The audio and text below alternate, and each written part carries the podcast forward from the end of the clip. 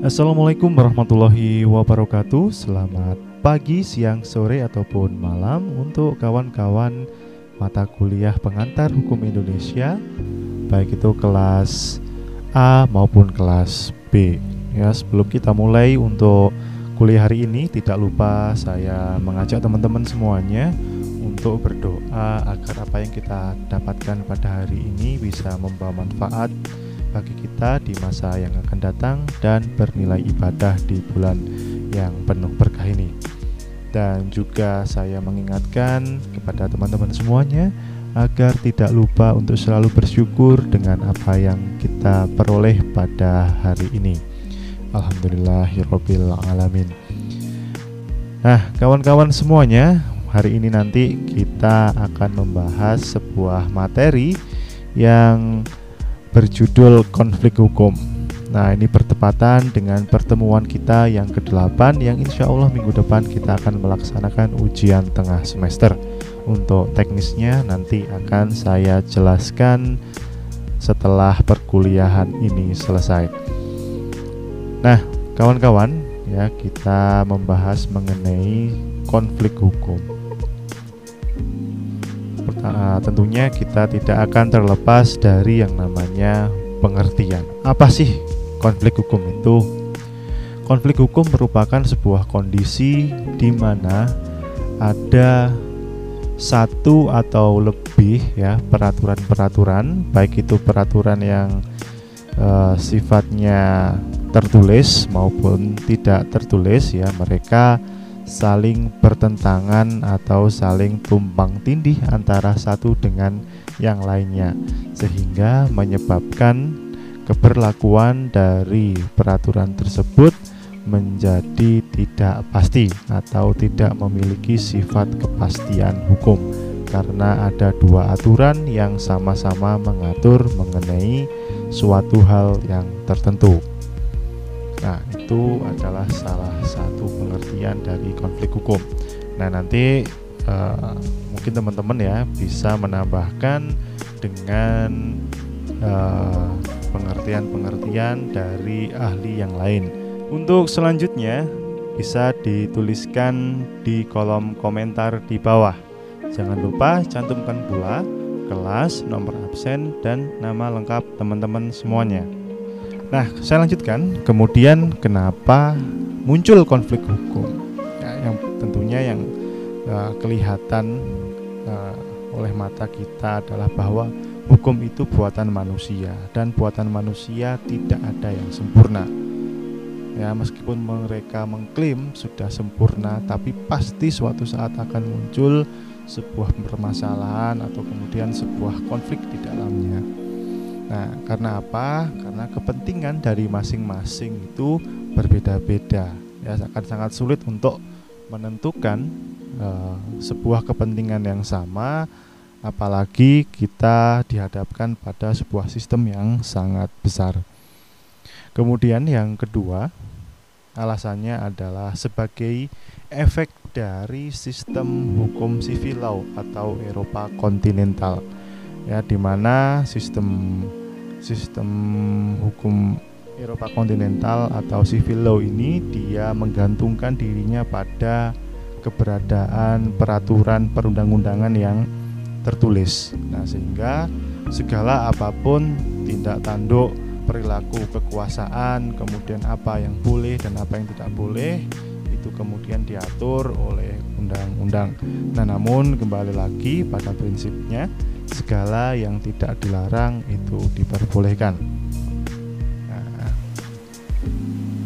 kemudian alasan yang ketiga, nah, karena apa banyaknya tercipta peraturan-peraturan ya, maka dimungkinkan itu terjadi yang namanya konflik karena saking banyaknya peraturan yang diatur bisa jadi antar peraturan yang satu atau peraturan yang lainnya itu saling berbenturan atau saling bertentangan atau bahkan saling tumpang tindih. Nah, itu adalah salah satu uh, alasan umum ya kenapa ada konflik hukum. Nah, menginjak ke slide yang kedua, kawan-kawan, di dalam bukunya Profesor Bakri ya, yang saya rekomendasikan kepada teman-teman, beliau menyebutkan ada empat konflik hukum. Di antaranya yang pertama adalah peraturan perundang-undangan dengan putusan pengadilan. Yang kedua, peraturan perundang-undangan dengan hukum adat dan atau hukum kebiasaan. Yang ketiga, putusan pengadilan dengan hukum adat dan atau hukum kebiasaan. Yang nomor empat adalah konflik hukum dengan sesama peraturan perundang-undangan. Nah, nanti kita akan lebih banyak membahas yang nomor empat, ya, karena ini terkait dengan uh, peraturan perundang-undangan yang kita bahas pada hari ini. Nanti untuk yang sampai dengan tiga ya di slide yang ketiga ini. Nah nanti akan ada mata kuliah tersendiri atau nanti akan saya buatkan uh, video tersendiri aja terkait dengan tiga hal ini. Tapi yang jelas kita fokus ke poin yang nomor empat terlebih dahulu. Nah saya lanjutkan ya. Ketika ada konflik hukum di antara peraturan perundang-undangan maka ada tiga asas yang kemudian bisa digunakan untuk menyelesaikan uh, konflik tersebut. Nah, yang pertama adalah asas lex superior derogat legi inferior. Peraturan yang hierarkinya lebih tinggi mengesampingkan peraturan dengan hierarki yang lebih rendah. Jadi ini sifatnya hanya mengesampingkan ya. Nanti tolong ini di underline uh, ketika menggunakan asas ini ya itu e, kalimat yang menegaskan itu bukan di e, tidak berlakukan atau dinyatakan tidak berlaku, tapi ini hanya dikesampingkan. Karena kewenangan untuk menyatakan tidak berlaku ya kalau itu adalah e, peraturan perundang-undangan di bawah undang-undang itu adalah kewenangannya Mahkamah Agung. Dan jika itu menyangkut dengan undang-undang uh, itu kewenangan Mahkamah Konstitusi. Nah, nanti di bawah ada penjelasan lebih lanjut. Kemudian yang kedua adalah asas lex spesialis derogat legi generalis. Peraturan yang lebih khusus atau lebih konkret mengesampingkan peraturan dengan sifat yang lebih umum ya lex spesialis ya peraturan yang lebih khusus itu mengesampingkan peraturan dengan sifat yang lebih umum atau generalis. Kemudian yang asas yang ketiga, asas lex posteriori derogat legi priori itu adalah sebuah asas yang menyatakan bahwa peraturan yang baru mengesampingkan peraturan-peraturan yang lebih lama. Nah, kemudian penjelasan lebih lanjutnya ya, ini terkait dengan asas lex superior derogat legi inferiori. Nah, berdasarkan hierarki peraturan perundang-undangan yang terdapat dalam Undang-Undang Nomor 12 Tahun 2011 tentang pembentukan peraturan perundang-undangan, di pasal 7 disebutkan bahwa e, adanya hierarki peraturan perundang-undangan yang telah ditentukan di antaranya adalah yang pertama Undang-Undang Dasar Negara Republik Indonesia tahun 1945. Kemudian yang kedua adalah TAP MPR atau Ketetapan Majelis Permusyawaratan Rakyat dan yang ketiga adalah undang-undang atau perpu atau peraturan pemerintah pengganti undang-undang. Ini derajatnya sama atau posisinya adalah sama.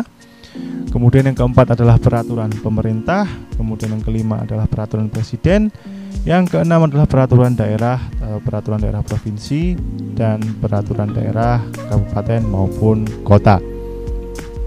Nah, tentunya sebelum dinyatakan tidak berlaku atau dinyatakan bertentangan atau dinyatakan berkonflik, setiap peraturan harus diuji, diselidiki dan dinilai oleh lembaga yang berwenang ya. Seperti yang saya bilang tadi bahwa kewenangan menguji ya terkait dengan peraturan perundang-undangan di bawah undang-undang ya. Jadi nanti mulai yang nomor 4, 5, 6 itu yang di dalam slide ya mulai dari peraturan pemerintah sampai dengan perda itu adalah kewenangan dari Mahkamah Agung. Namun ketika itu adalah posisinya undang-undang ya tentunya yang memutus adalah Mahkamah Konstitusi karena kewenangannya adalah memutus sengketa undang-undang yang bertentangan dengan peraturan yang ada di dalam Undang-Undang Dasar atau Konstitusi. Nah, ada dua model pengujian. Yang pertama itu adalah hak uji formil dan yang kedua itu adalah hak uji material. Hak uji formilnya kawan-kawan itu adalah menguji mengenai tata cara pembentukannya apakah sesu, apakah sudah sesuai dengan peraturan perundang-undangan atau belum. Dan nanti ketika tidak sesuai maka eh, pelaksanaan apa terkait dengan pembentukannya eh, bisa dibatalkan. Kemudian yang kedua adalah hak uji material. Nah, kalau ini menguji terkait dengan substansinya ya, substansi terkait dengan uh, isi dari sebuah undang-undang yang diuji. Apakah itu mereka bertentangan atau tidak? Nah, nanti akan diketahui di sini. Nah, kemudian next lanjut ya. Ini terkait dengan asas yang selanjutnya. Asas lex spesialis derogat legi generalis yaitu peraturan yang lebih khusus atau konkret mengesampingkan peraturan dengan sifat yang lebih umum. Nah salah satu syaratnya adalah dia memiliki hierarki yang sama dengan uh, peraturan yang bertentangan Nah, misalkan undang-undang dengan undang-undang atau kemudian PP peraturan pemerintah dengan peraturan pemerintah. Nah, ini tidak berlaku ketika eh, antara undang-undang dengan peraturan daerah. Nah, tentunya yang berlaku adalah asas yang kita bahas pertama tadi, yaitu asas leg superior derogat legi inferior. Jadi yang hierarkinya lebih atas dia akan lebih diutamakan dan peraturan yang lebih rendah akan dikesampingkan. Nah, seperti itu. Nah, ini contohnya adalah mengenai kebebasan berkontrak eh, versus pembuatan akta pendirian badan usaha. Nah, kebebasan berkontrak ini diatur di dalam Kitab Undang-Undang Hukum Perdata atau Burger Law Book atau juga yang kita kenal sebagai IBW. Nah, kemudian contohnya contoh pesaingnya atau lawannya itu adalah di eh, undang-undang uh, tentang badan hukum. Nah, di situ disebutkan ya mulai dari kita mulai aja dari BW terlebih dahulu. Di dalam salah satu pasalnya disebutkan mengenai adanya kebebasan berkontrak. Ya, jadi perjanjian itu diperbolehkan dibuat secara tertulis maupun secara tidak tertulis. Nah, namun di Undang-Undang Badan Hukum, nah itu dijelaskan bahwa untuk membentuk sebuah badan hukum diperlukan sebuah akta pendirian yang dibentuk atau yang kemudian dikeluarkan oleh seorang notaris ya sebagai uh, seorang pejabat yang ditunjuk oleh undang-undang untuk membuat akte yang sifatnya otentik. Nah, salah satu ciri akta otentik itu adalah yang uh, adalah perjanjian yang tertulis. Nah, sehingga asas lex spesialis derogat lagi generalis nah di sini berlaku. Jadi asas yang lebih khusus atau hukum yang lebih khusus nah itu mengesampingkan ya eh, hukum-hukum uh, yang sifatnya lebih umum itu tadi. Nah, itu terkait dengan asas lex spesialis derogat legi generalis. Kemudian asas yang ketiga adalah asas lex posteriori derogat legi priori. Peraturan yang baru mengesampingkan peraturan dengan hierarki yang lebih lama. Nah, biasanya ada beberapa pasal di dalam sebuah peraturan perundang-undangan yang kemudian diubah. Nah, Nanti ciri salah satu cirinya biasanya itu muncul kata-kata jo atau jungto yang artinya jungto itu adalah berhubungan atau bertalian. Karena tergantung penggunaan e, di dalam undang-undang itu seperti apa. Nanti untuk menjelaskan uh, ketentuan lebih lanjut uh, mengenai pasal-pasal yang berkaitan. Digunakan apabila aturan lama tidak dicabut secara tegas. Nah, di sini saya mengambil contohnya adalah Undang-Undang Pokok Agraria dengan aturan di buku 2 BW yang mengenai kebendaan. Nah, di dalam Undang-Undang Pokok Agraria ya, memang tidak disebutkan bahwa seluruh aturan yang ada di Burgerlich Wetbook atau kitab Undang-Undang Hukum Perdata itu semuanya tidak berlaku.